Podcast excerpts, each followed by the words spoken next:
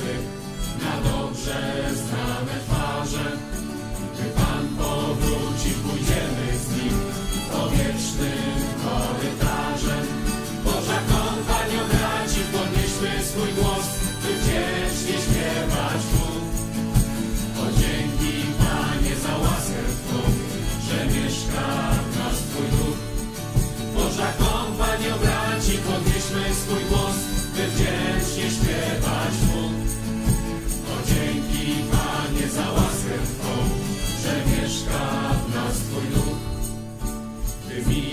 Czas i za rokiem rok odchodzi w siną dal. My wiemy każdy kolejny krok, dzień chwały zbliża nam. Boża kompanio braci, podnieśmy swój głos, by wdzięcznie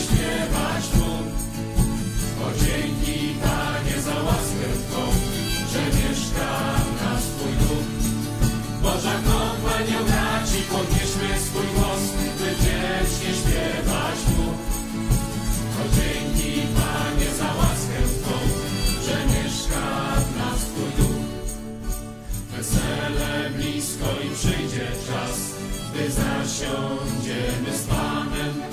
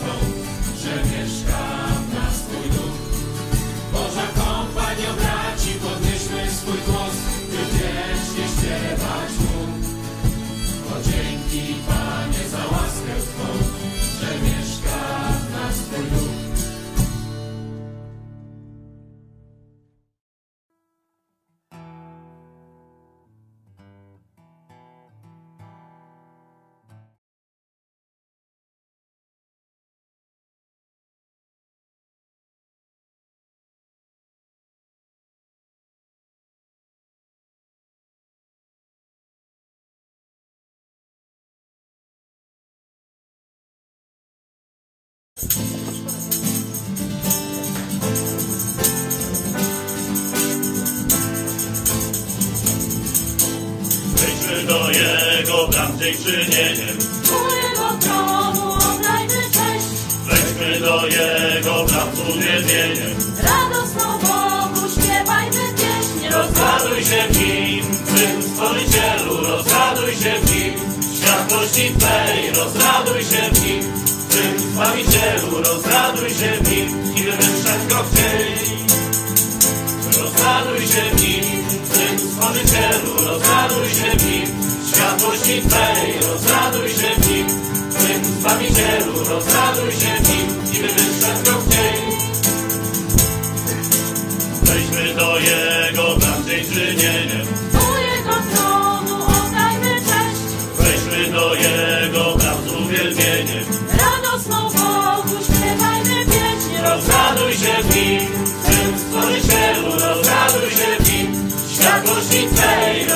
rozraduj się w Nim. Twym Zbawicielu, rozraduj się w Nim i wywyższać Go chciej. Rozraduj się w Nim, Twym Stworzycielu, rozraduj się w Nim. Światłości Twej, rozraduj się w Nim. Twym Zbawicielu, rozraduj się w Nim i wywyższać Go chciej.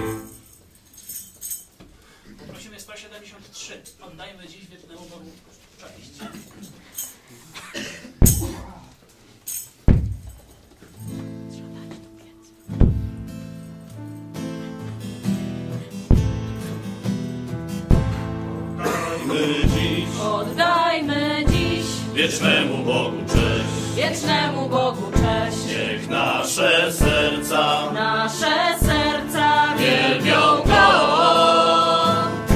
On stworzył niebiosa, On utwierdził ziemi krąg. Utwierdził ziemi krąg. Jego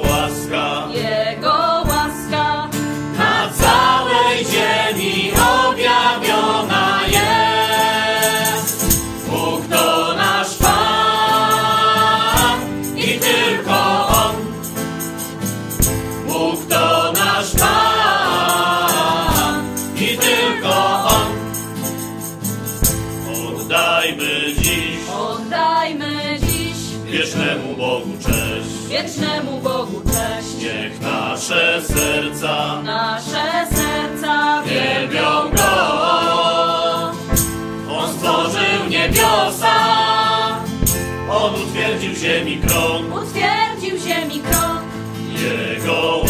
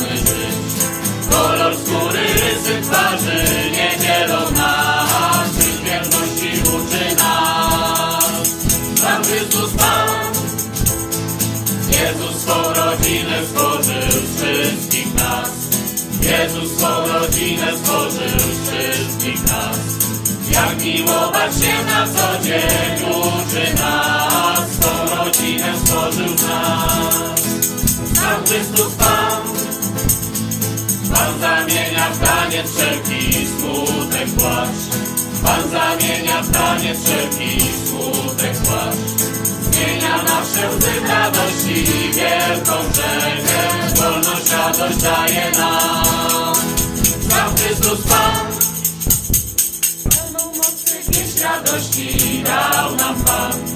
Pełną mocy pieśń radości dał nam Pan. Nikt już nigdy jej nie zdoła zabrać nam. Serca nasze włożył pieśń. Sam Chrystus Pan.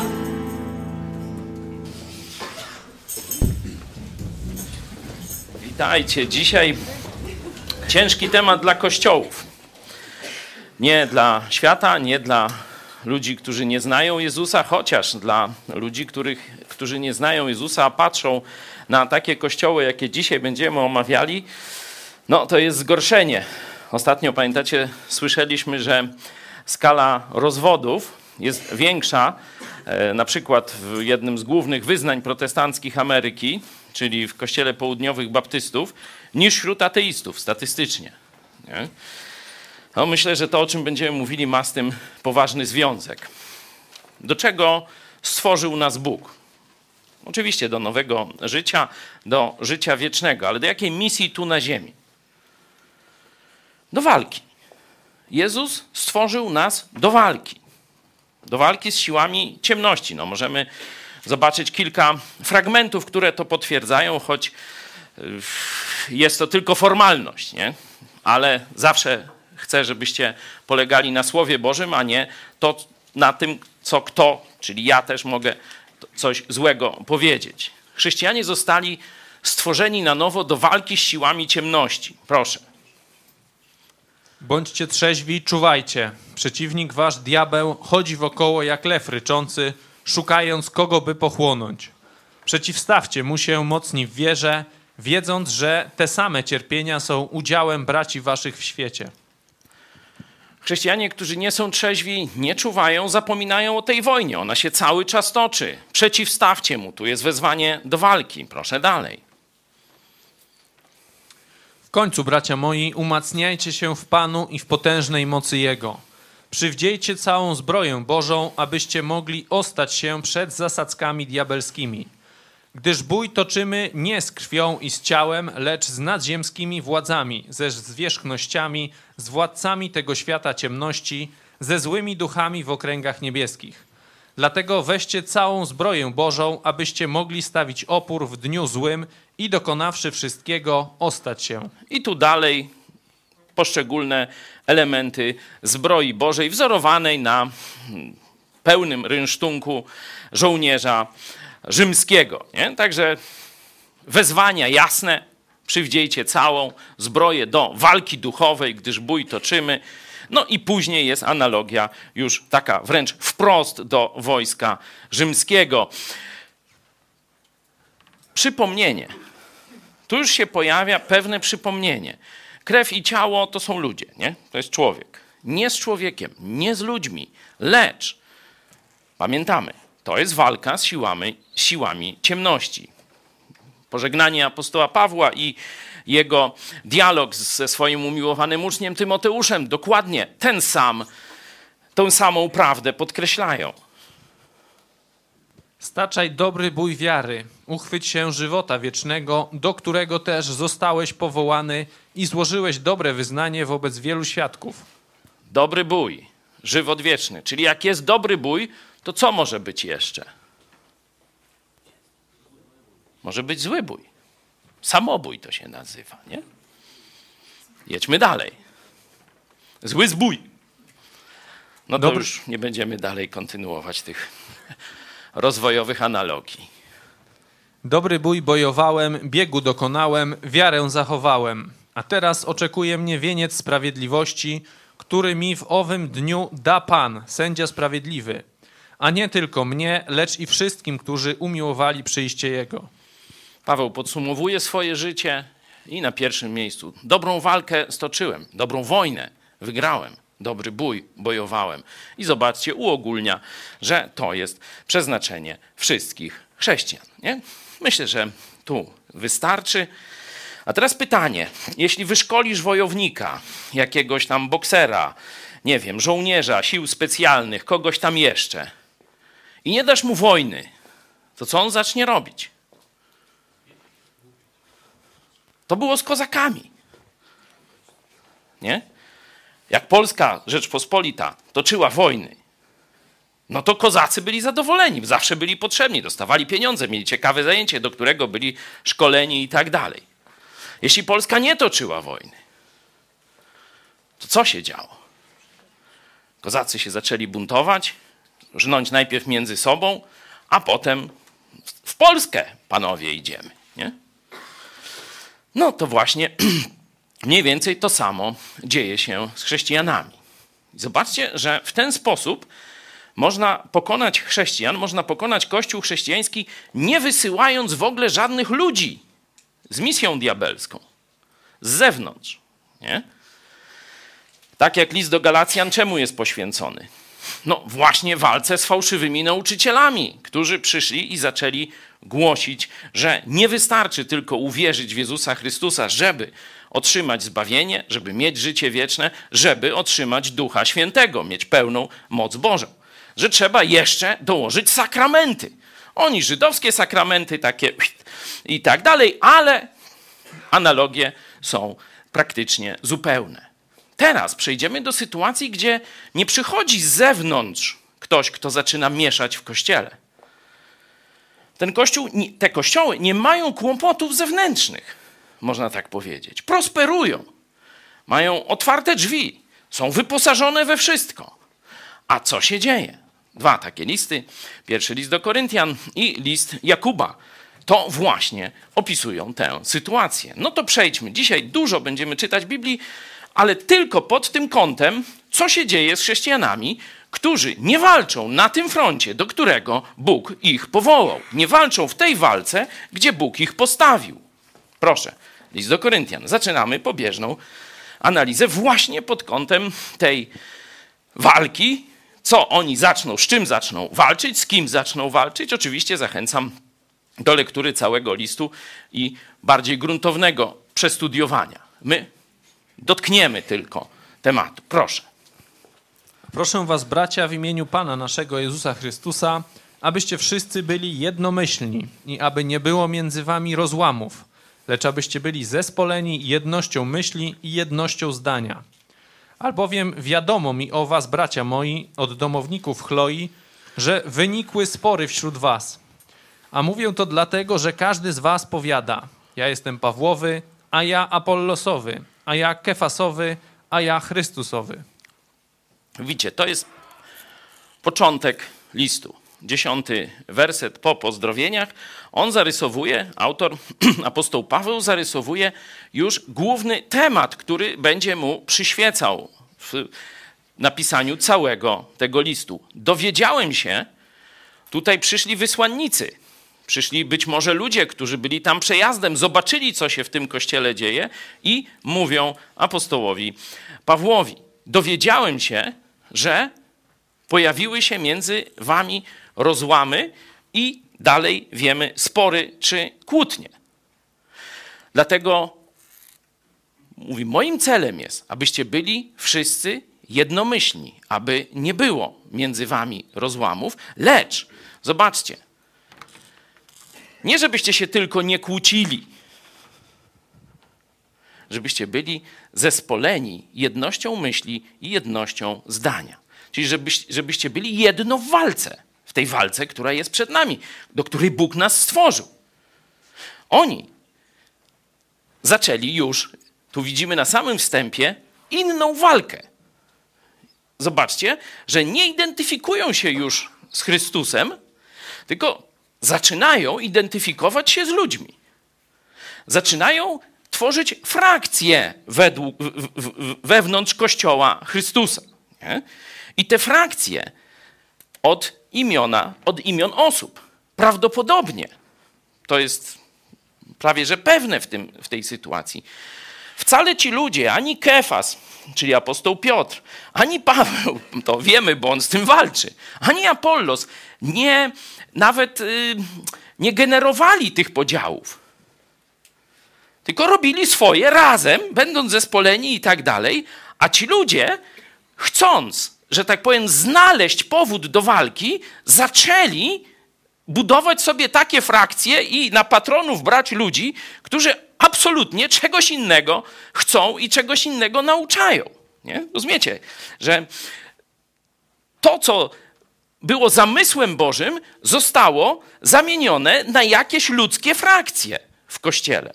Nie? Zobaczcie, jak bardzo szybko to zrobili. Jedźmy dalej. To mamy wstęp, zaraz jest rozwinięcie. Ja, bracia, nie mogłem mówić do was jako do duchowych, lecz jako do cielesnych, jako do niemowląt w Chrystusie. Poiłem was mlekiem, nie stałym pokarmem, bo jeszcze go przyjąć nie mogliście, a i teraz jeszcze nie możecie. Jeszcze bowiem cieleśni jesteście, bo skoro między wami jest zazdrość i kłótnia, to czyż cieleśni nie jesteście i czy na sposób ludzki nie postępujecie?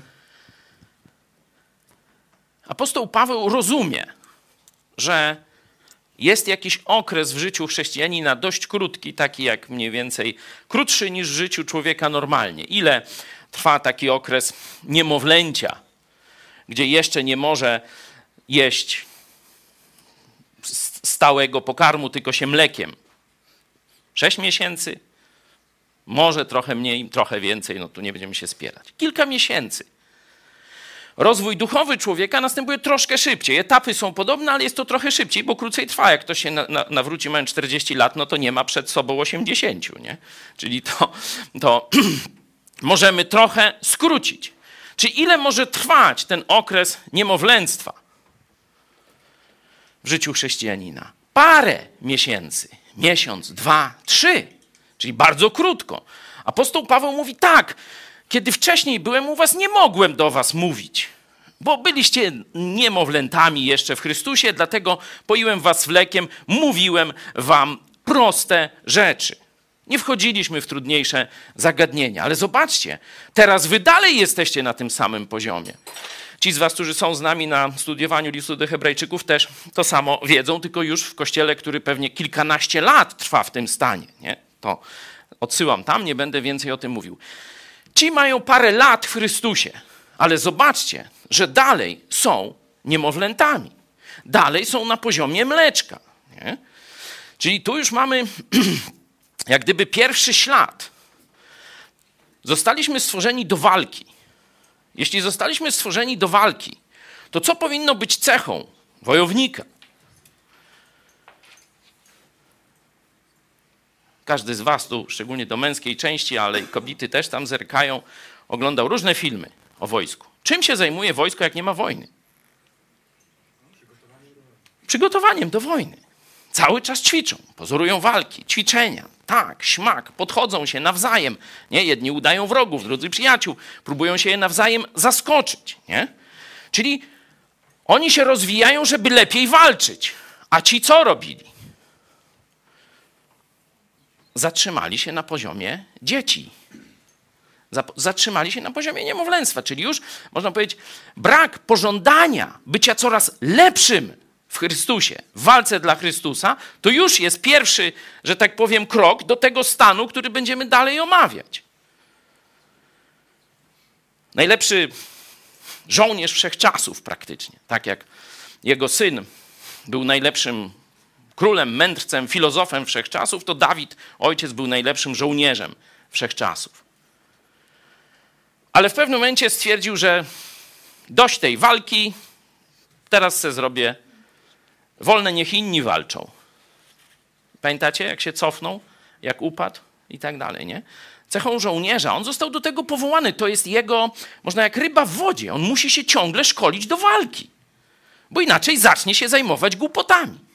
Bo on ma chęć, on jest ambitny, to nowe stworzenie w nas, nie? Chcemy osiągać jakieś sukcesy, chcemy postępu, chcemy widzieć zwycięstwa. Jeśli nie zaangażujemy się we właściwą walkę i tam nie będziemy widzieć sukcesów, postępów i zwycięstw, zaczniemy szukać innej walki, bo do walki zostaliśmy stworzeni. Teraz tylko pytanie, czy skierujemy nasze zdolności ku właściwemu przeciwnikowi? To jest pytanie Twojego, mojego życia. Tu pokazałem chrześcijan niemowlaków, czy trzylatków powiedzmy, czy pięciolatków, niewiele. Dawid, stary wyga, też upadł. Kiedy? Nie rozwijał się jako żołnierz. Czyli pierwsza jakaś taka ochrona przed złą walką to jest ciągle szkolić się do dobrej walki. Ciągle poznawać Biblię, poznawać Boga, poznawać chrześcijańską mądrość, którą Bóg dał Kościołowi przez innych braci i tak dalej, i tak dalej, i tak dalej. Nie?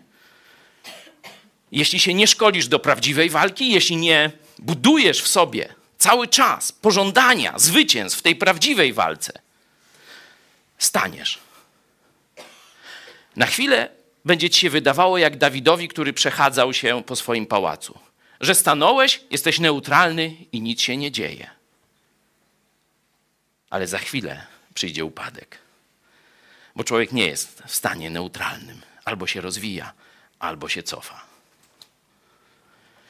Dlatego chrześcijanie, jeśli nie pójdą na front, jeśli nie będą się ćwiczyć we właściwej walce, jeśli nie skierują swoich mieczy, czyli Słowa Bożego, nie tak jak ci wojownicy Maryi.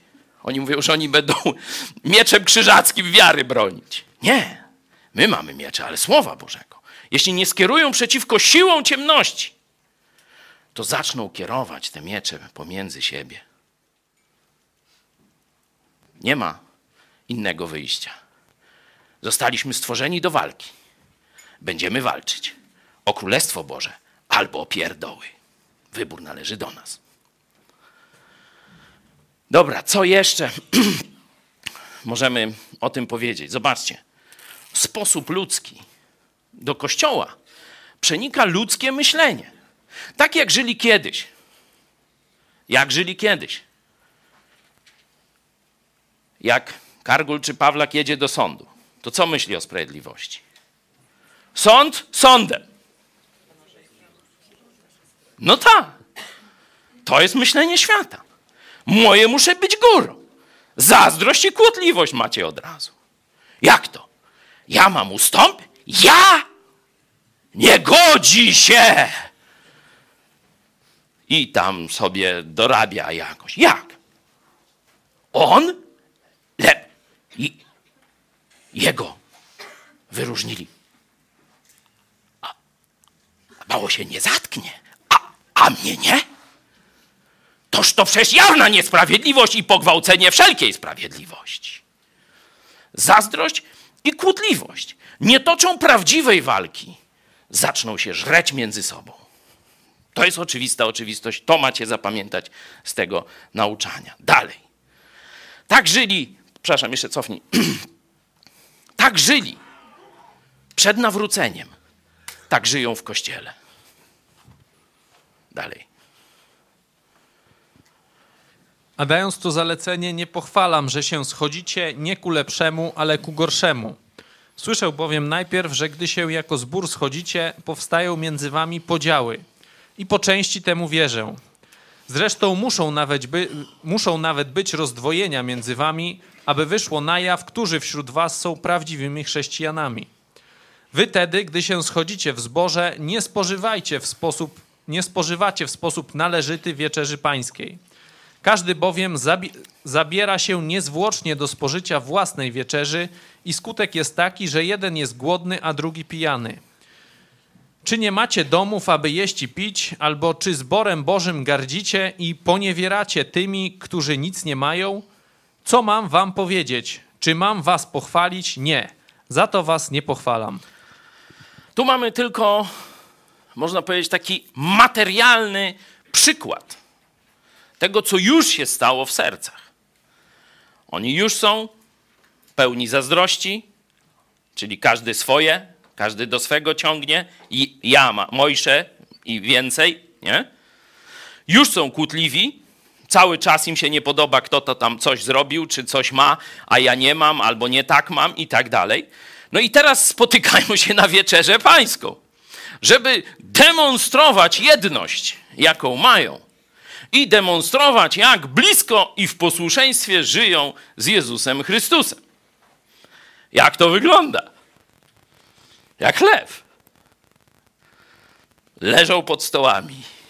Jeden wyżygany, drugi opity, nie? No to już mamy. A teraz przyszedł ktoś głodny, bo akurat bidok jakiś. Won hamie!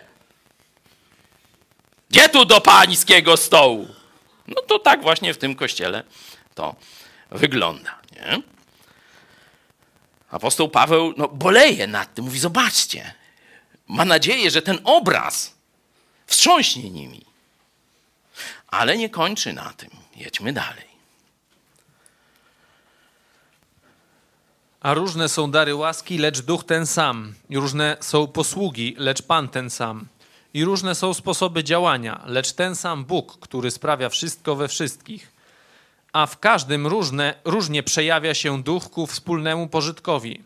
Wszystko to zaś sprawia jeden i ten sam duch, rozdzielając każdemu poszczególnie jak chce. Widzieliśmy fra- frakcje teologiczne, brak jedności. Kościół nie idzie do tego samego celu, nie realizuje razem w jedności Ducha Świętego Bożych zadań, zaczyna się dzielić na frakcje. Widzimy, widzieliśmy, jak wyglądają ich spotkania, które mają demonstrować właśnie jedność w Chrystusie. To jest to okazja do, y, do grzechu i do egoizmu skrajnego wręcz. A teraz mamy kolejny aspekt ich życia, czyli dary duchowe. Jesteśmy w kościele apostolskim, w kościele, który jeszcze nie ma Biblii.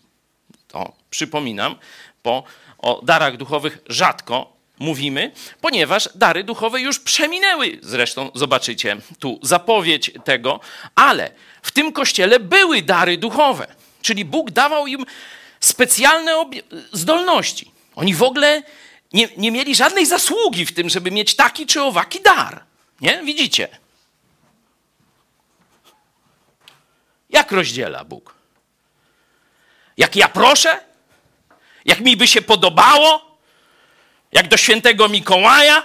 Dwa samochodziki, cysterna i dźwig. Tak? No nie, pisze, że daje każdemu jak chce. Po co? Żebyś się chwalił? Żebyś się wywyższał przeciw, przed innymi? Nie. Jasno, ku wspólnemu pożytkowi. Ty masz tym służyć pokornie, a nie się wywyższać. Co z kolei oni zrobili z darami duchowymi, czyli wiecie, coś od Boga wspaniałego, co wzmacniało wtedy Kościół, uzupełniało tę lukę, która była z powodu tego, że jeszcze nie mieli pełni objawienia Słowa Bożego. Mieli proroctwa, mieli języki, czyli cuda, wianki, wszystko. Co z tym zrobili? Zaczęli się okładać tym. Ty masz gorszy dar, widzisz? Ty nieduchowy jesteś. Mówiłem ci, dziadu jeden.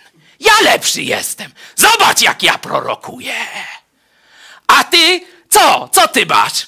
O, na szmacie tylko. Dar służby masz. Co to za dar w ogóle? Zobacz, jak ja paszczę otwieram. Jak ja cudownie językami. To jest dopiero duchowość. A ty sprzątasz? Co to jest? Wypad!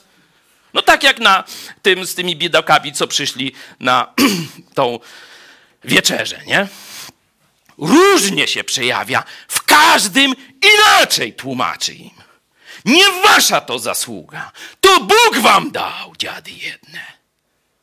To służyć, a nie się przechwalać. Dalej jeszcze o tym mówi. Albowiem i ciało nie jest jednym członkiem, ale wieloma. Jeśli by rzekła noga, ponieważ nie jestem ręką, nie należę do ciała, czy dlatego nie należy do ciała? A tak członków jest wiele, ale ciało jedno. Nie może więc oko powiedzieć ręce: Nie potrzebuję ciebie, albo głowa nogom: Nie potrzebuję was. Wprost przeciwnie. Te członki ciała, które zdają się być słabszymi, są potrzebniejsze. Kolejny powód do kłótni. Różne funkcje. Tam mieliśmy dary. Teraz funkcje różne, nie? Ludzie, którzy mieli jakieś tam większe funkcje, bardziej zdolni, bardziej utalentowani, obdarowani, zaczęli gardzić tymi, którzy mieli jakieś podrzędniejsze funkcje w kościele. A co ty tam możesz mi tu gadać? Ty głupi jesteś. W ogóle nie potrzebujecie. Idź tam jak chcesz, nie? Po to jest ciało, żeby, żeby pokazać wspaniałość Stwórcy. I wydaje się, na przykład ewolucjoniści w swej durnocie, nie znając Stwórcy, twierdzą, że niektóre takie brzydsze, trochę śmierdzące, jak się wyjmie, elementy ciała są do niczego niepotrzebne. To pewnie doktor Gazda pisała na ten temat o wyrostku robaczkowym na przykład. Nie? Nie pisałaś jeszcze? To napisz. Piłeś? Nie, czekaj. No, a to nie, to, to nie z tej bajki. Twierdzili przez lata, że to w ogóle niepotrzebne. Nie? Wiecie, że zapalenie wyrostka grozi śmiercią nawet, nie? Jak się to rozleje, zapalenie tam otrzewnej, wszystko i tak dalej, śmierć. No to oczywiście chirurgia doszła do tego, że tam szybko jak się zareaguje, no to się wytnie i uratuje się gościa. No to co zrobiła ewolucjonistyczna chirurgia? medycyna. Słuchajcie, jeśli to jest takie zagrożenie i jak się wyleje, to, nie, to grozi śmiercią, to dzieciom wycinajmy. I nie będzie im nic groziło. No i wycinali zdrowe, można powiedzieć, wyrostki, bo niepotrzebne. Bo według ich zjaranej teorii ewolucji to jakiś błąd został, nie wiadomo, gdzieś zostało, nie wiem, czy ze świni, czy z szympansa, nie wiem, jakie tam oni mają przodki, czy może z jakiegoś tego większego dino, nie? zostało takie jakieś śmieciowe, nie wiadomo po co. Nie? To samo później na śmieciowym DNA zrobili. Nie? Okazało się, że absolutnie nie. Że to jest, choć wygląda brzydko, choć śmiecie się tam zmierają, jak się wyjmie, to często śmierdzi, to to jest bardzo ważny organ i pełni rolę w organizmie. Jest potrzebny nodze, oku i najbardziej pięknym i, że tak powiem, pachnącym częścią ciała. Nie? I dokładnie tak samo jest w ciele Chrystusa. To, kim jesteś, czy jesteś w tym kościele nogą, czy okiem, czy wyrostkiem robaczkowym, nie, ty decydowałeś o tym, no to nie chwal się, ani się specjalnie tym nie przejmuj. Wręcz przeciwnie, co ma robić ciało?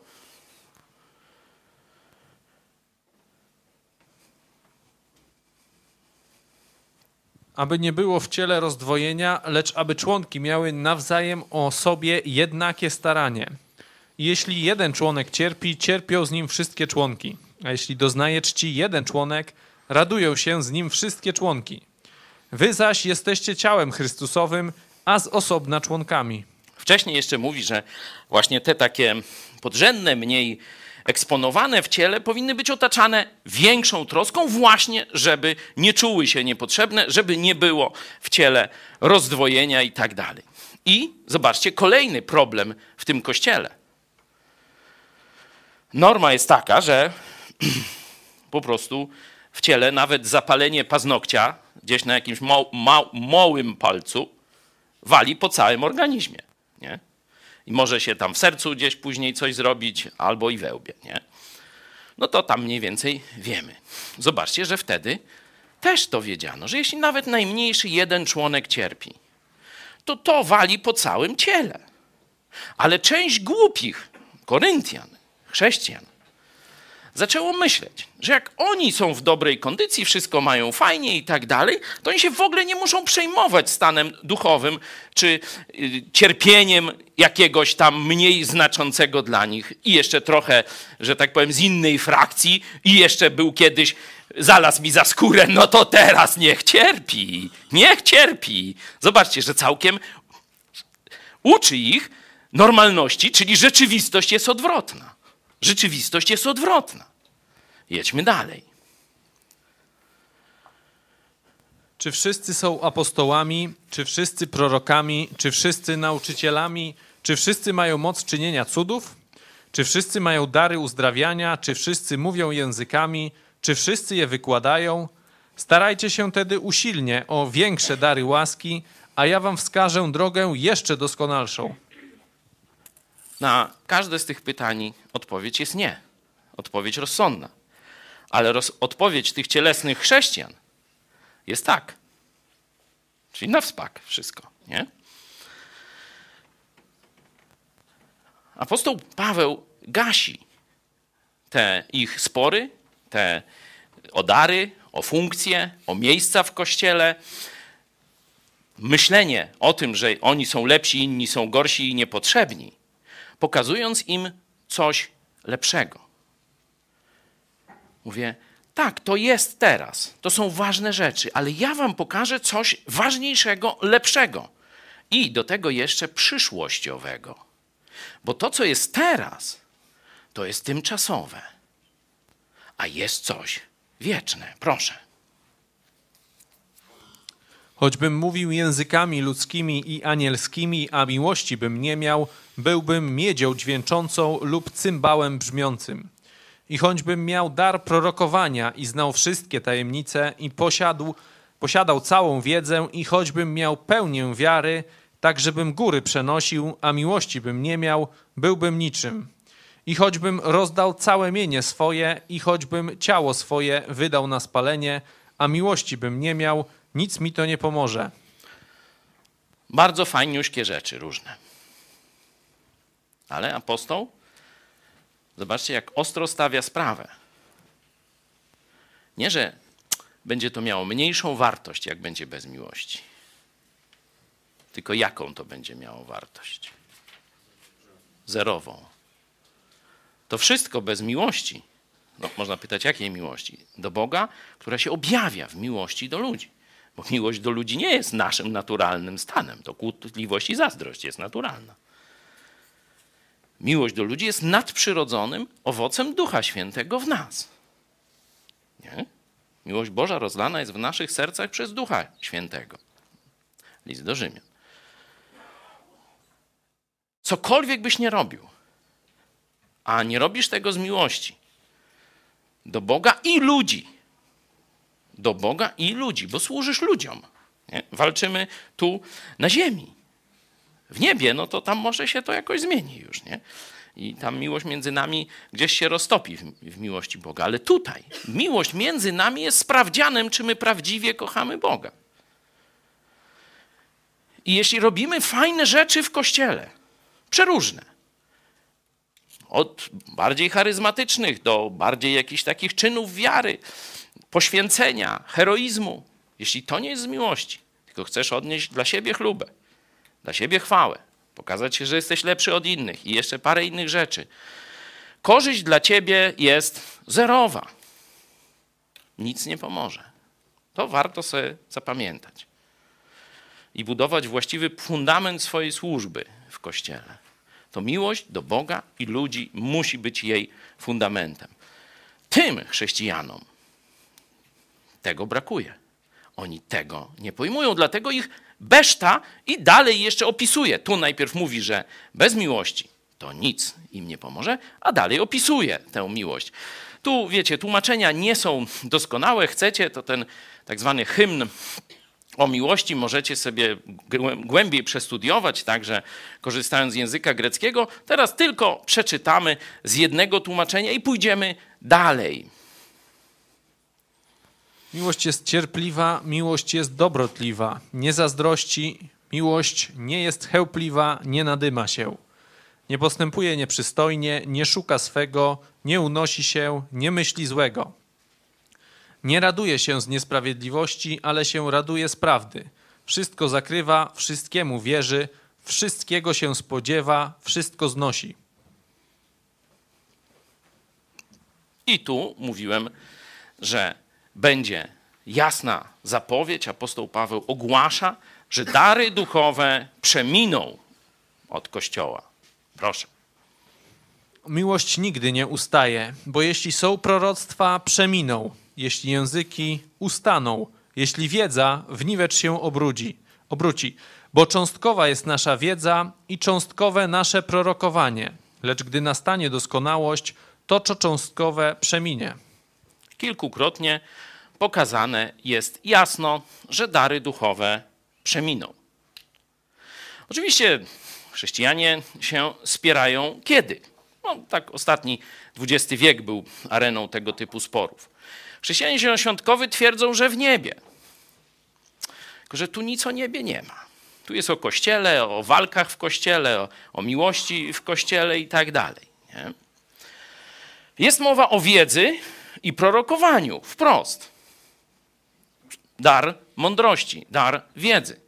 Czyli, że niektórzy ludzie w sposób nadprzyrodzony w kościołach, który nie miał Biblii przecież jeszcze, to jest ważne, miał rzadki kontakt z, z apostołami, niekiedy przyszedł, założył i nie było go tam parę lat. Bóg dał dary duchowe wtedy Kościołowi. Niektórzy z nich kiedyś mógł być prostym kowalem, a nagle on wypowiada mądrości Boże. On ma zrozumienie Bożych prawd. Oczywiście niepełne, tylko jakie? Niepełne, tylko jakie? Niepełne, tylko jakie? Zieloświątkowcy! Budzić się tam! Przebudzenie przyszło! Cząstkowe! Czyli jeśli to ich zrozumienie było cząstkowe, jeśli prorokowanie było cząstkowe, to co jest doskonałe? Co zawiera pełnię Bożej mądrości? Co zawiera, drodzy zielonoświątkowcy, pełnię Bożego objawienia? Proste jak dwa razy dwa. Jak zostanie objawiona i sformowana pełna treść Nowego Testamentu, dary duchowe przeminą.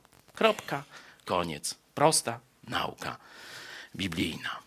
Jedźmy dalej. Dlatego mówi, nie trzymajcie się kurczowo tych rzeczy przemijających, tych rzeczy tymczasowych, tych rzeczy cząstkowych. Nie naparzajcie się nawzajem, że jedni to mają, drudzy nie mają. Nie chwalcie się tym i nie twórzcie podziałów czy wywyższania z tego powodu, bo to jest przemijające. To za chwilę zniknie. Trzymajcie się tego, co trwa wiecznie. Wiara, nadzieja, miłość. Te trzy z nich najważniejsza jest miłość. Dobra, dalej. Teraz idziemy, jak będzie wyglądał normalny dzień w kościele, który zapomniał o walce, do której został stworzony, a zaczął się naparzać w środku. Wywyższać podziały, frakcje, kłótnie, zazdrość i tak dalej. Nie? Mieliśmy, jak wygląda wieczerza. To teraz zobaczmy, jak ich inne spotkania wyglądają. Proszę bardzo. Cóż wtedy, bracia, gdy się schodzicie, jeden z was służy psalmem, inny nauką, inny objawieniem, inny językami, inny ich wykładem. Wszystko to niech będzie ku zbudowaniu. Jeśli kto mówi językami, niech to czyni dwóch albo najwyżej trzech, i to po kolei, a jeden niech wykłada. A jeśli by nie było nikogo, kto by wykładał, niech milczą w zborze, niech mówią samym sobie i Bogu. To wykreślają zielonoświątkowcy ten wers. Jak to milczeć? Ten też wykreślają. A wszyscy naraz zaczynają ładować i... A, szkoda gadać. Nie będziemy temu zbyt dużo czasu poświęcać. Apostoł Paweł mówi, że to, że ci chrześcijanie są na poziomie świata, mają cielesny, zmysłowy, światowy sposób myślenia, nie toczą walki zewnętrznej, tylko zaczynają toczyć walki wewnętrzne, odbije się też na spotkaniach Kościoła. Tu mówi, jaki powinien być porządek. Możemy przeczytać jeszcze dalej, żeby mieć cały ten tekst. A co do proroków, to niech mówią dwaj albo trzej, a inni niech osądzają. Lecz jeśli by ktoś inny z siedzących otrzymał objawienie, pierwszy niech milczy. Możecie bowiem kolejno wszyscy prorokować, aby się wszyscy czegoś nauczyli i wszyscy zachęty doznali. A duchy proroków są poddane prorokom. I jeszcze dalej. Albowiem Bóg nie jest Bogiem nieporządku, ale pokoju. Jak we wszystkich zborach świętych, niech niewiasty na zgromadzeniach milczą, bo nie pozwala się im mówić, lecz niech będą poddane, jak i zakon mówi. A jeśli chcą się czegoś dowiedzieć, niech pytają w domu swoich mężów, bo nie przystoi kobiecie w zborze mówić. I zakończmy. Czy słowo Boże od was wyszło, albo czy tylko do was samych dotarło? Jeśli ktoś uważa, że jest prorokiem, albo że ma dary ducha, niech uzna, że to, co wam piszę, jest przykazaniem pańskim. A jeśli ktoś tego nie uzna, sam nie jest uznany. Zastosujcie proszę teraz tę miarę do przeróżnych dziwadeł zwanych kościołami charyzmatycznymi. To nie my was nie uznajemy. To nie my was nie uznajemy. Kto was nie uznaje? Widzicie? To jest Słowo Boże. To są nakazy pańskie. Każdy kościół, który je odrzuca, nie jest uznany. Dość proste. Nie? Ale wróćmy do naszego tematu. Cofnijmy się do tego, tych tekstów, gdzie do początku 14 rozdziału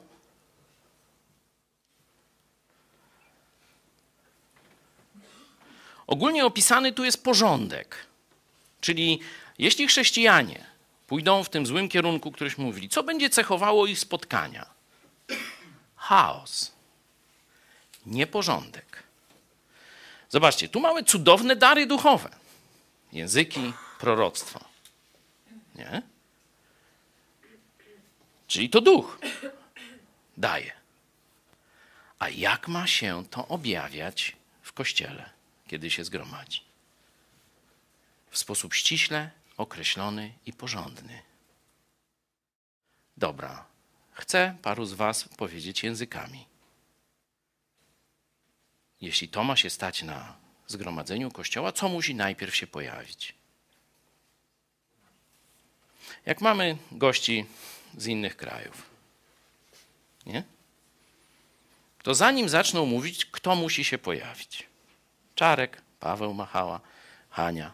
No tłumacz musi się pojawić, nie? No proste jak dwa razy dwa. Jak ktoś ma mówić w obcym języku do nas, no to żeby go zrozumieć, żeby każdy doznał zbudowania, nie? To musi być tłumacz. No i kiedy był ten cudowny dar mówienie obcymi językami, to zanim zaczął przemawiać ten obdarowany, musieli się upewnić, ho, kto ma dar tłumaczenia. Kto będzie dzisiaj tłumaczył? O, jest, jeden. I zobaczcie, że ten dar tłumaczenia obejmował wszystkie języki. To też cud, nie? No bo u nas jeden tłumacz zwykle jednym, niektórzy tam może z dwóch by dali radę, a z trzech to rzadko, nie? Tam ma być jeden tłumacz, a teraz w różnych językach paru tego, to pokazuje cudowność tego też, nie? Jeśli nie, jeśli się tłumacz nie zgłosi, to chociaż by mu miało rozsadzić coś tam, co ma robić ten obdarowany tym darem języków. Siedzieć cicho. No zobaczcie, jakie proste. Nie? Siedzieć cicho. Podobnie z proroctwami. Tu jest też podana ocena tych proroctw. Czyli zobaczcie, tak, to są cudowne rzeczy Boże. To Bóg dawał Kościołowi. Sam Duch Święty. Ale zobaczcie, że było to w Kościele poddane porządkowi.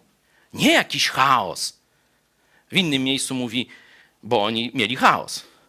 Jak przyjdzie do was człowiek normalny, popatrzy na ten chlew, do psychiatryka trafiłem, nigdy więcej do kościoła nie chcę przyjść. Taki będzie owoc. Dwa tysiące lat temu napisane i do dzisiaj działa. Widziałem wielu gości psychiatry, przepraszam, tych kościołów, e, takich właśnie, które łamią te Boże zasady. Jeszcze raz powtarzam, to nie jest pomysł mój. To nie jest pomysł apostoła Pawła. Zobaczmy końcówkę jeszcze raz listu 14 rozdziału.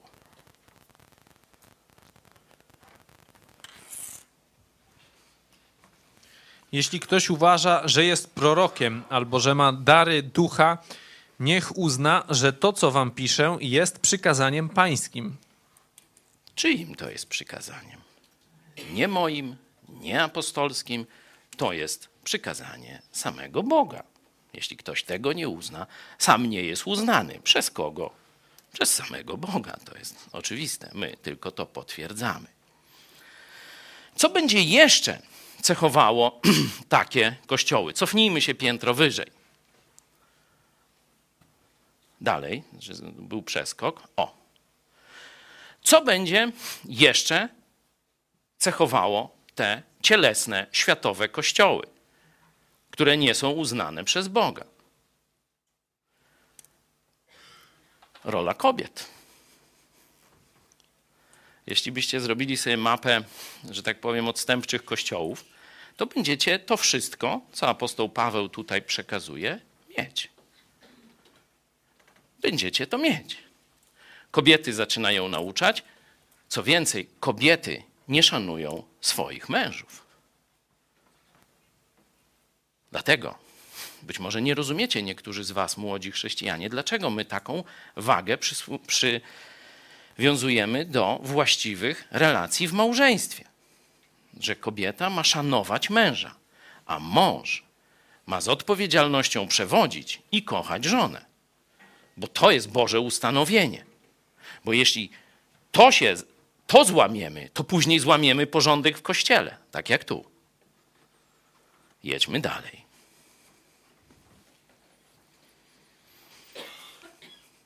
Przenosimy się do listu Jakuba.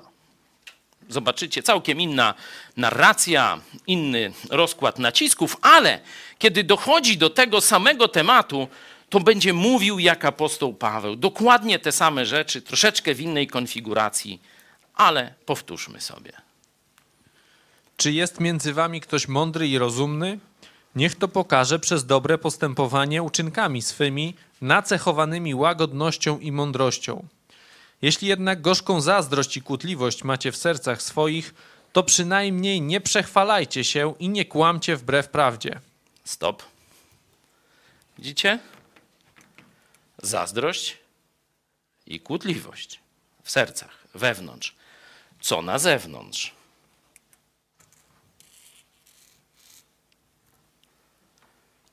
Obłuda. Czyli w sercu gnój, a pobożna twarz, gesty i różne takie rzeczy. To się dopiero zaczyna, teraz będzie. To są wstrząsy wstępne. Jedźmy dalej. Nie jest to mądrość, która z góry zstępuje, lecz przyziemna, zmysłowa, demoniczna. Źródło. To nie jest, że to jest fajne. Nie pozwól sobie myśleć, że obłuda da ci jakieś korzyści. Że to jest taki normalny sposób postępowania wśród ludzi, w kościele też. Nie. Źródło obłudy jest w piekle.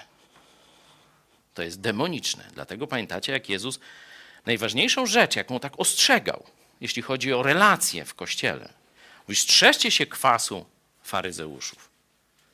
To jest obłudy.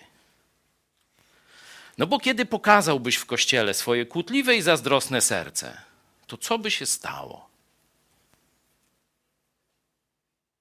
No zaraz jakiś pomocny brat czy siostra by ci pomógł się naprostować, nie? No dość proste, nie?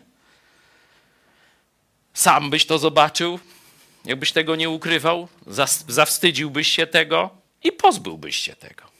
Jeśli z kolei przyjmiesz maskę, to to dalej ropieje w środku, rośnie w środku. Zakaża ciebie coraz bardziej. Ty myślisz, że to tylko e, ciebie zakaża, czy, czy ewentualnie jest w tobie, nikt tego nie widzi. Nie, już widzieliśmy, że ta zależność między członkami w ciele jest cały czas. To jest duchowa, Boża wspólnota i tam przepływa nawet jak ty udajesz. Czyli udawanie to jest zaprzeczenie, to jest ucieczka od lekarstwa. To jest niemożliwość wyleczenia Twojego problemu. Czym dłużej będziesz udawał, tym problem będzie poważniejszy, a wyleczenie trudniejsze, i prawdopodobnie skutki gorsze. Pokala się wielu, też znajdujemy taki, czyli wpłynie to gorsząco na wielu innych ludzi. Dlatego lepiej, kiedy coś złego się dzieje, nie udawaj, tylko od razu objaw to. Pomóżcie. Coś złego się ze mną dzieje, nie umiem sam sobie poradzić. Pomóżcie, ale nie udawaj, nie ukrywaj tego. Jedźmy dalej.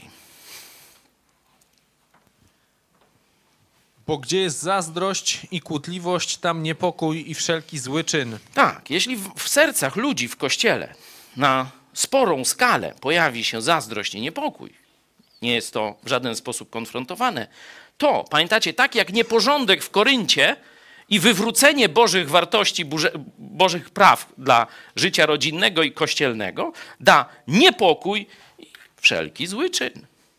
Jedźmy dalej.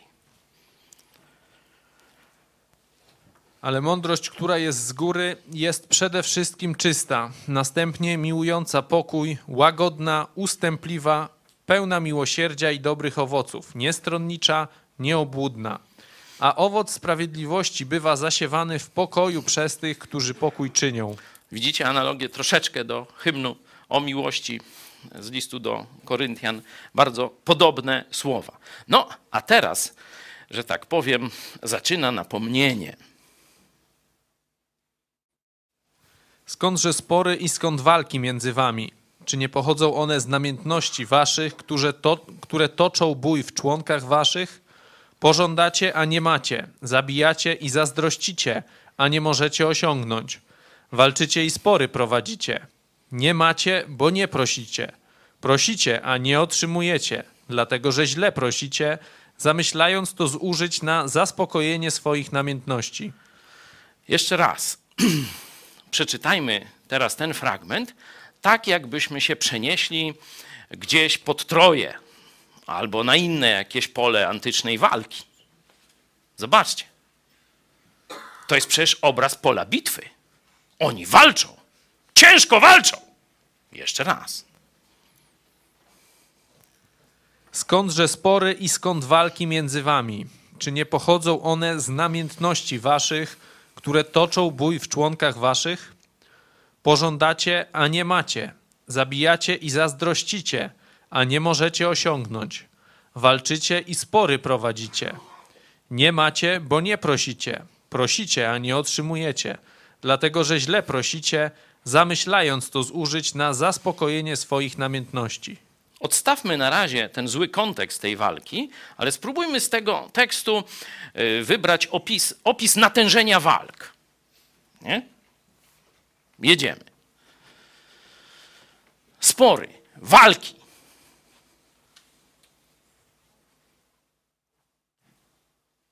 Zobaczcie, z namiętności. W jaki sposób oni walczą w tej walce? Namiętnie całych siebie angażują. Do białości ta walka ich rozgrzewa i rozpala. To nie są przelewki. To naprawdę hormony, czy tam wszystkie inne testosterony buzują. Teraz to kobiety mają więcej. Jaka, zobaczcie, jaka intensywność, pożądanie tego zwycięstwa w tej walce, nie? Zobaczcie, do czego są gotowi. Zabijać nawet. Nie wiem, jest język tutaj troszeczkę, powiedzmy, taki ironiczno-przenośny, nie? Jezus powiedział, że jeśli nienawidzisz brata swego, to jest to samo, jakbyś złamał przykazanie nie morduj. Nie? Nienawidzieć to znaczy chcieć jego zniszczenia, nie? chcieć, mm, żeby mu się wszystko co najgorsze zdarzyło. Nie? Być może to ma na myśli, ale emocje, zobaczcie, sięgają zenitu w tej walce. To jest naprawdę ostra walka, to nie popierdółka jakaś. Zobaczcie, co się tu dzieje. Boga! wzywają na świadka swojej mojszej racji. I jego proszą, Boże, spuść plagę na pole Kargula. Czy Pawlaka, jak to jest? Kargulowe chyba plemię. Ale tu jest ta prośba.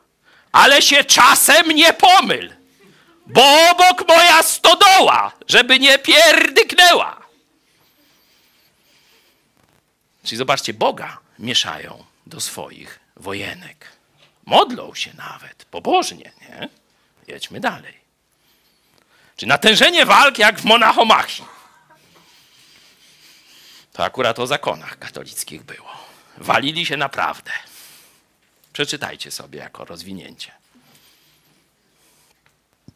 Wiarołomni, czy nie wiecie, że przyjaźń ze światem to wrogość wobec Boga? Jeśli więc kto chce być przyjacielem świata, staje się nieprzyjacielem Boga.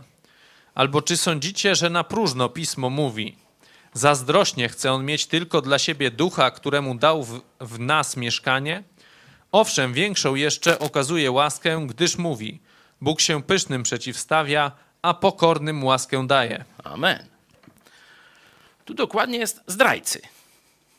Coś jak cudzołożnicy, czy jeszcze gorzej sobie tam powiedz. Nie? Bo tak wiarołomni to tak z jakieś wiatrołomami mi się kojarzy na halach, nie? Takie, takie jakieś, no coś się stało, nie? Zdrajcy, tam parę jakichś jeszcze innych cudzołożnicy, czy coś takiego sobie tu wstaw, żeby zobaczyć, co Bóg myśli o takim stanie Kościoła. Zobaczcie, że jest to w liczbie mnogiej. Sam tego nie możesz robić ze sobą. To musi być grupa zaangażowana chrześcijan, nie? Przyjaźń ze światem. Pamiętacie? List do Koryntian zaczyna się. Na sposób ludzki znowu postępujecie w kościele. Walki i spory, kłótnie, zazdrość.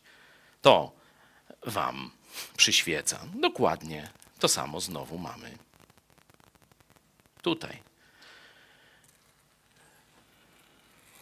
Tylko skutek jest, zobacz, w jakiej walce, gdzie stanąłeś na froncie w tym momencie. Miałeś, zostałeś stworzony, ty i ja, zostaliśmy stworzeni do walki dla Jezusa, do walki z siłami ciemności. Zostawiłeś to, wróciłeś do starego myślenia, wróciłeś do namiętności, zazdrości, pseudopobożności, do walki ze swoimi braćmi. Kim się stałeś? To już nie jest zabawa. Teraz walczysz z Bogiem. Spodziewaj się kopa. Odpowiednie miejsce. Czy myślisz, że Bóg będzie na to patrzył obojętnie? Że śpi sobie i drzemie? I dopiero Maryja go musi obudzić, bo Piłsudskiego by do piekła niesłusznie skazali? Jak w katolickich tych objawieniach przeróżnych? Nie. Bóg nie może na to patrzeć. To tak jak zazdrosny mąż nie mógłby patrzeć, jak się gzi żona. No to, ta, to jest dokładnie takie porównania tu są. Kiedy Kościół sprzeniewierza się walce. O Boże sprawy, nie wzrasta, a zaczyna się między sobą naparzać, to Bóg po pierwsze jest po przeciwnej stronie tej walki, po drugie jest zazdrosny i zareaguje, bo on się przeciwstawia pysznym. A błogosławieństwo, łaskę, powodzenie, pomoc daje pokornym, tym, którzy Jemu się poddają, a nie swoje walki toczą. Coś mamy jeszcze? Czy to koniec? To doczytajmy podsumowanie dalsze. Przeto poddajcie się Bogu, przeciwstawcie się diabłu, a ucieknie od was. Zbliżcie się do Boga, a zbliży się do was. Obmyjcie ręce grzesznicy i oczyśćcie serca ludzie o rozdwojonej duszy. Biadajcie i smućcie się i płaczcie, śmiech wasz niech się w żałość obróci, a radość w przygnębienie. Uniszcie się przed Panem, a wywyższy was. Pamiętacie, czym zajmowali się najczęściej uczniowie, jak mieli czas wolny? No bo jak mieli zadania, tam walczyli z diabłem, uzdrawiali, głosili Ewangelię, no to nie mieli czasu. Ale wystarczy, że, że trochę odpoczęli. Czym się zajmowali? Najpierw była dyskusja, a potem tak się pokłócili, że szli do Jezusa i mówi: Słuchaj, to już tak dłużej być nie może. Ta dziadyga mówi, że będzie bliżej siedziała w Królestwie Bożym ode mnie przy tobie. Weź powiedz coś temu dziadowi, żeby nie pieprzył takich głupot, boż to się nie godzi. Toż o pomstę do nieba woła. Tym się zajmowali. No to tam Jezus ich odpowiednio trenował, nie? Chcesz wywyższenia? No dobra, to jest zrozumiałe. No każdy by chciał być wyżej niż niżej, nie? Ale pomyśl, że jeśli będziesz próbował osiągnąć to po swojemu, to gdzie wylądujesz? To gdzie wylądujesz? Nie? Dopiero jeśli ty się uniżysz przed Bogiem, Jego wolą, Jego prawdą, Jego oceną. Bo co to znaczy uniżyć się przed Bogiem? Do jasnej góry pójść i se klęknąć? To znaczy uniżyć się przed prawdą Boga. Uznać to, co On mówi. Uznać prawdę o swoim zachowaniu. I nawrócić się z tego, jeśli widzisz grzech. Wtedy Bóg cię wywyższy. Oczywiście nie ma tutaj takiego automatyzmu, że wyznasz grzech królem będziesz od razu, nie? To nie tak, ale to tam kiedy indziej. Zobaczcie, tam apostoł Paweł, kiedy mówił o tym samym, mówił, że jeszcze jesteście jak niemowlęta. Zatrzymaliście się w rozwoju chrześcijańskim, nie? Pamiętacie? Nie mogę do was mówić jak do duchowych, nie możecie pokarmu. Tu już jest coś gorszego. Oni długo są w tym stanie. Oni już mają jak gdyby dwie natury. Starą i nową. Mówię o prze, nie o pozycji przed Bogiem, ale o ich życiu. Oni mają rozdwojoną duszę. Raz mają pobożne wzloty, może nawet czytają pismo i tam się kiedyś wzruszą, czy na spotkaniu i zapłaczą, ale zaraz łzy otrą i idą dalej, tarzają się w gównie, robią świństwo. To są ludzie o rozdwojonej duszy. Oni rozumieją, co się dzieje, dlatego do nich są te nakazy, zobaczcie. Przeciwstawcie się diabłu, czyli wróćcie na front. Nie walczcie między sobą, wróćcie na front. Przeciwstawcie się diabłu, ucieknie od was. Zbliżcie się do Boga, a zbliży się do was. Obmyjcie ręce, grzesznicy, oczyście serca. Biadajcie i smućcie się i płaczcie. Oczywiście do Koryntian w drugim też znajdziecie tych chrześcijan, których omówiliśmy w pierwszym rozdziale. Bardzo pobieżnie, można by więcej im dołożyć, ale tyle myślę wystarczy. Jak płaczą i chcą naprawić swój grzech. I apostoł Paweł ich chwali. Zobaczcie, jakie teraz jest to wasze nawrócenie. Jaki żal, jaka chęć poprawy, jaka ch- chęć udowodnienia, że odrzuciliście ten gnój z waszego kościelnego i chrześcijańskiego życia, nie z waszego starego życia. I tu dokładnie Jakub daje tę samą radę. Jeśli rzeczywiście w kościele, w jakiejś grupie, rodzinie chrześcijańskiej, bo niekiedy są wielopokoleniowe rodziny chrześcijańskie i się naparzają także w kościołach. Kościoły się później dzielą na frakcje rodzinne. Słyszałem o takich rzeczach. To sobie warto powiedzieć. Stałem się sługą diabła. Myślę, że tu nie wystarczy tylko indywidualne nawrócenie, ale trzeba razem siąść. Tak, służyliśmy diabłu. Postępowaliśmy jak niewierzący albo gorzej.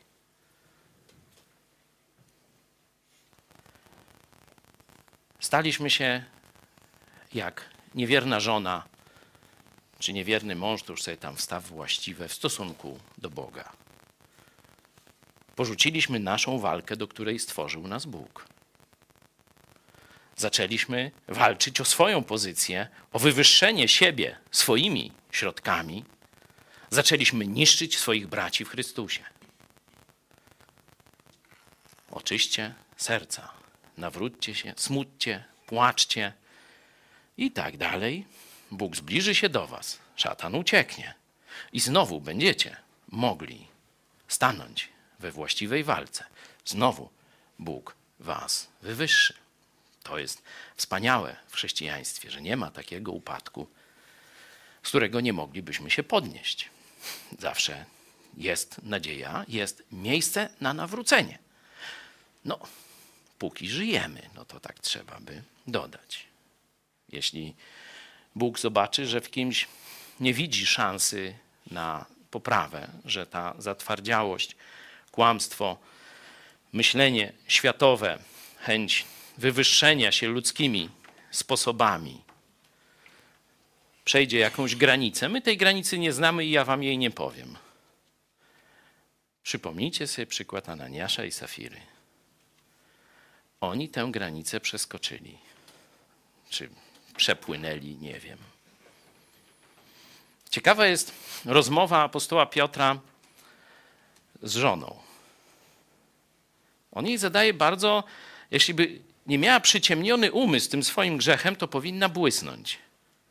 Pamiętacie, o co ją apostoł Piotr pyta? On jej podpowiada.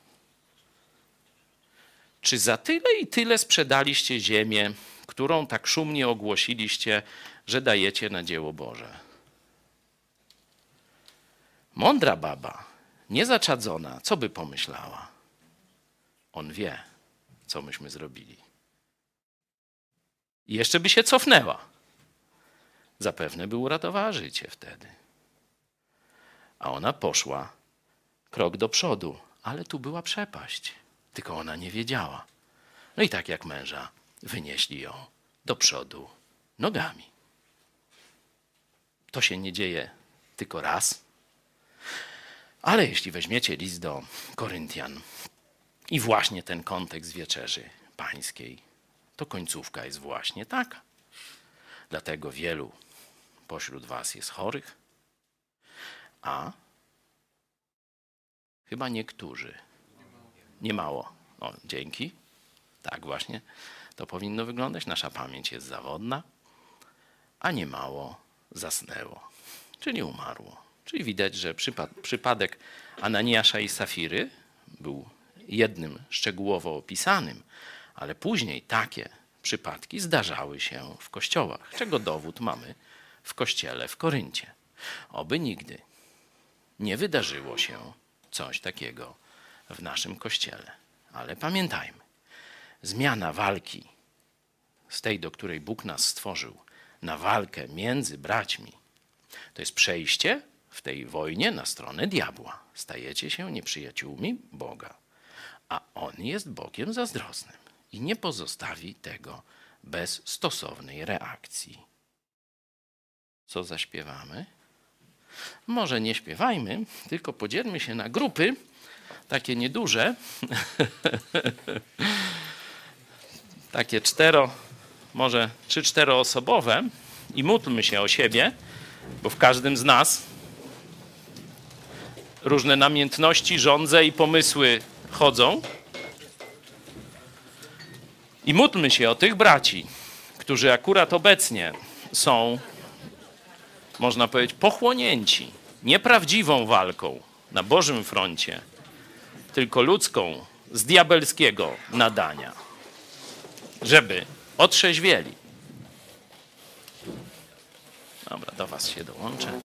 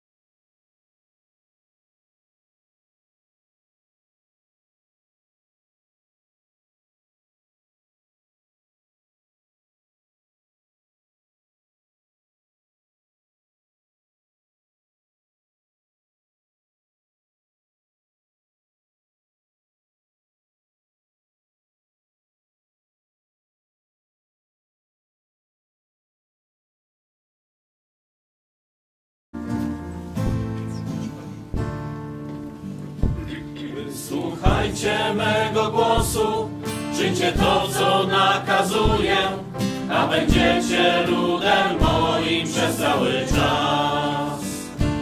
By na moje zawołanie nie odpowie żaden z was, wtedy swoją twarz odwrócę na długi czas. Jeśli nie usłuchacie mnie, w ukryciu płakać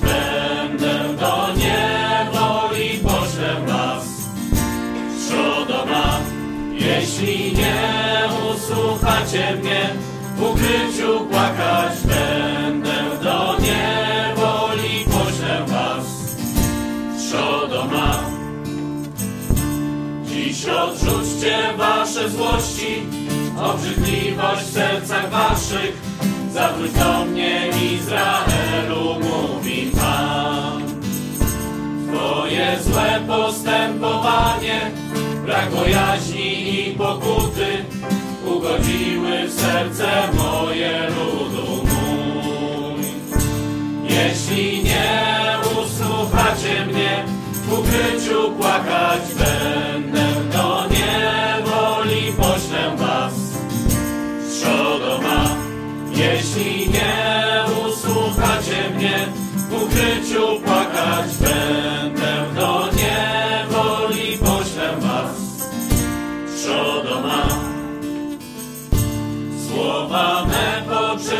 poczytujecie, jako przedmiot winy waszej, brakarniku podobania, brak też ci.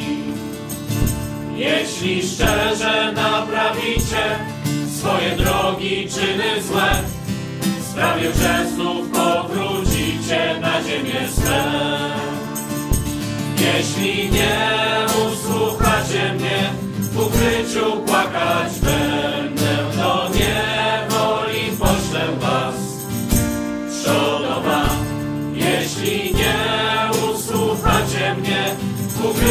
płakać będę, do niewoli poślę was. Trzodoma. To może teraz o dobrej walce. Czy marsz grenadierów?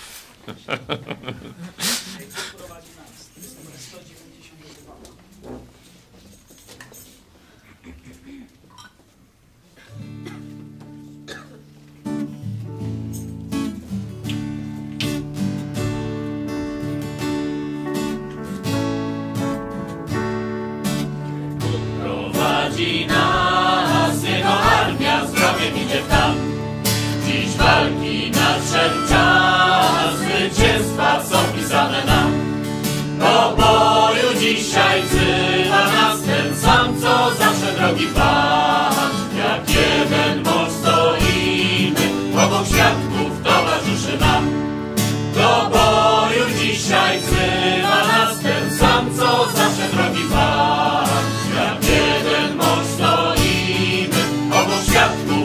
Just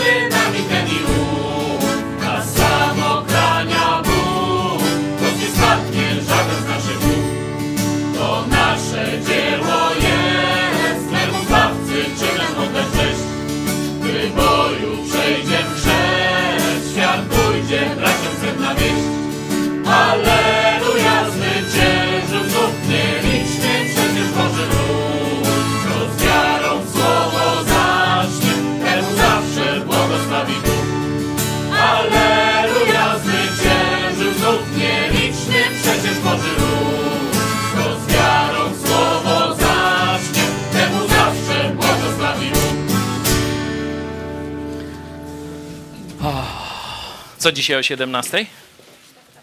Sztafeta pokoleń. A ja wam chcę pokazać nowy numer miesięcznika Idź pod prąd, poświęcony socjalizmowi. Bo to, o czym mówiliśmy w kościele, to diabeł chce zrobić w całych społeczeństwach, w narodach na całym świecie.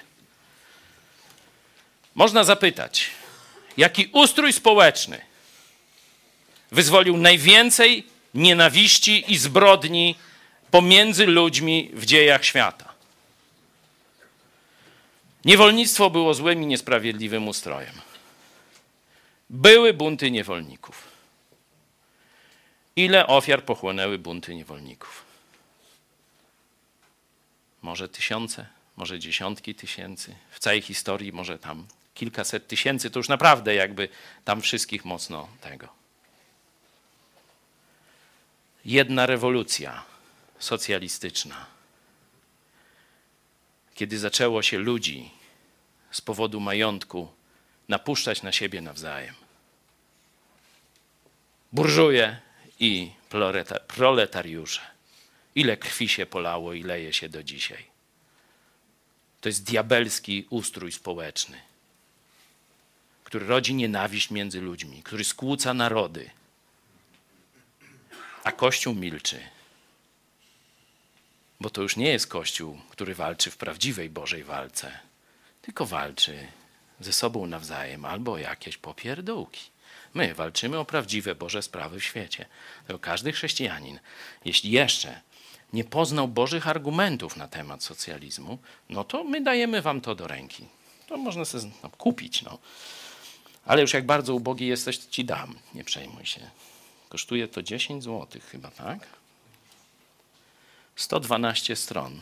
To już i tak dopłacamy do tego, nie przejmuj się. Także w kioskach Empiku i zapraszamy tych chrześcijan, którzy przejrzeli na oczy, jeśli chodzi o to, co Bóg mówi o socjalizmie, o polityce, żeby w swoich kościołach dali ludziom, którym jeszcze nie wszystkie klepki odpadły, do przeczytania. Do zobaczenia.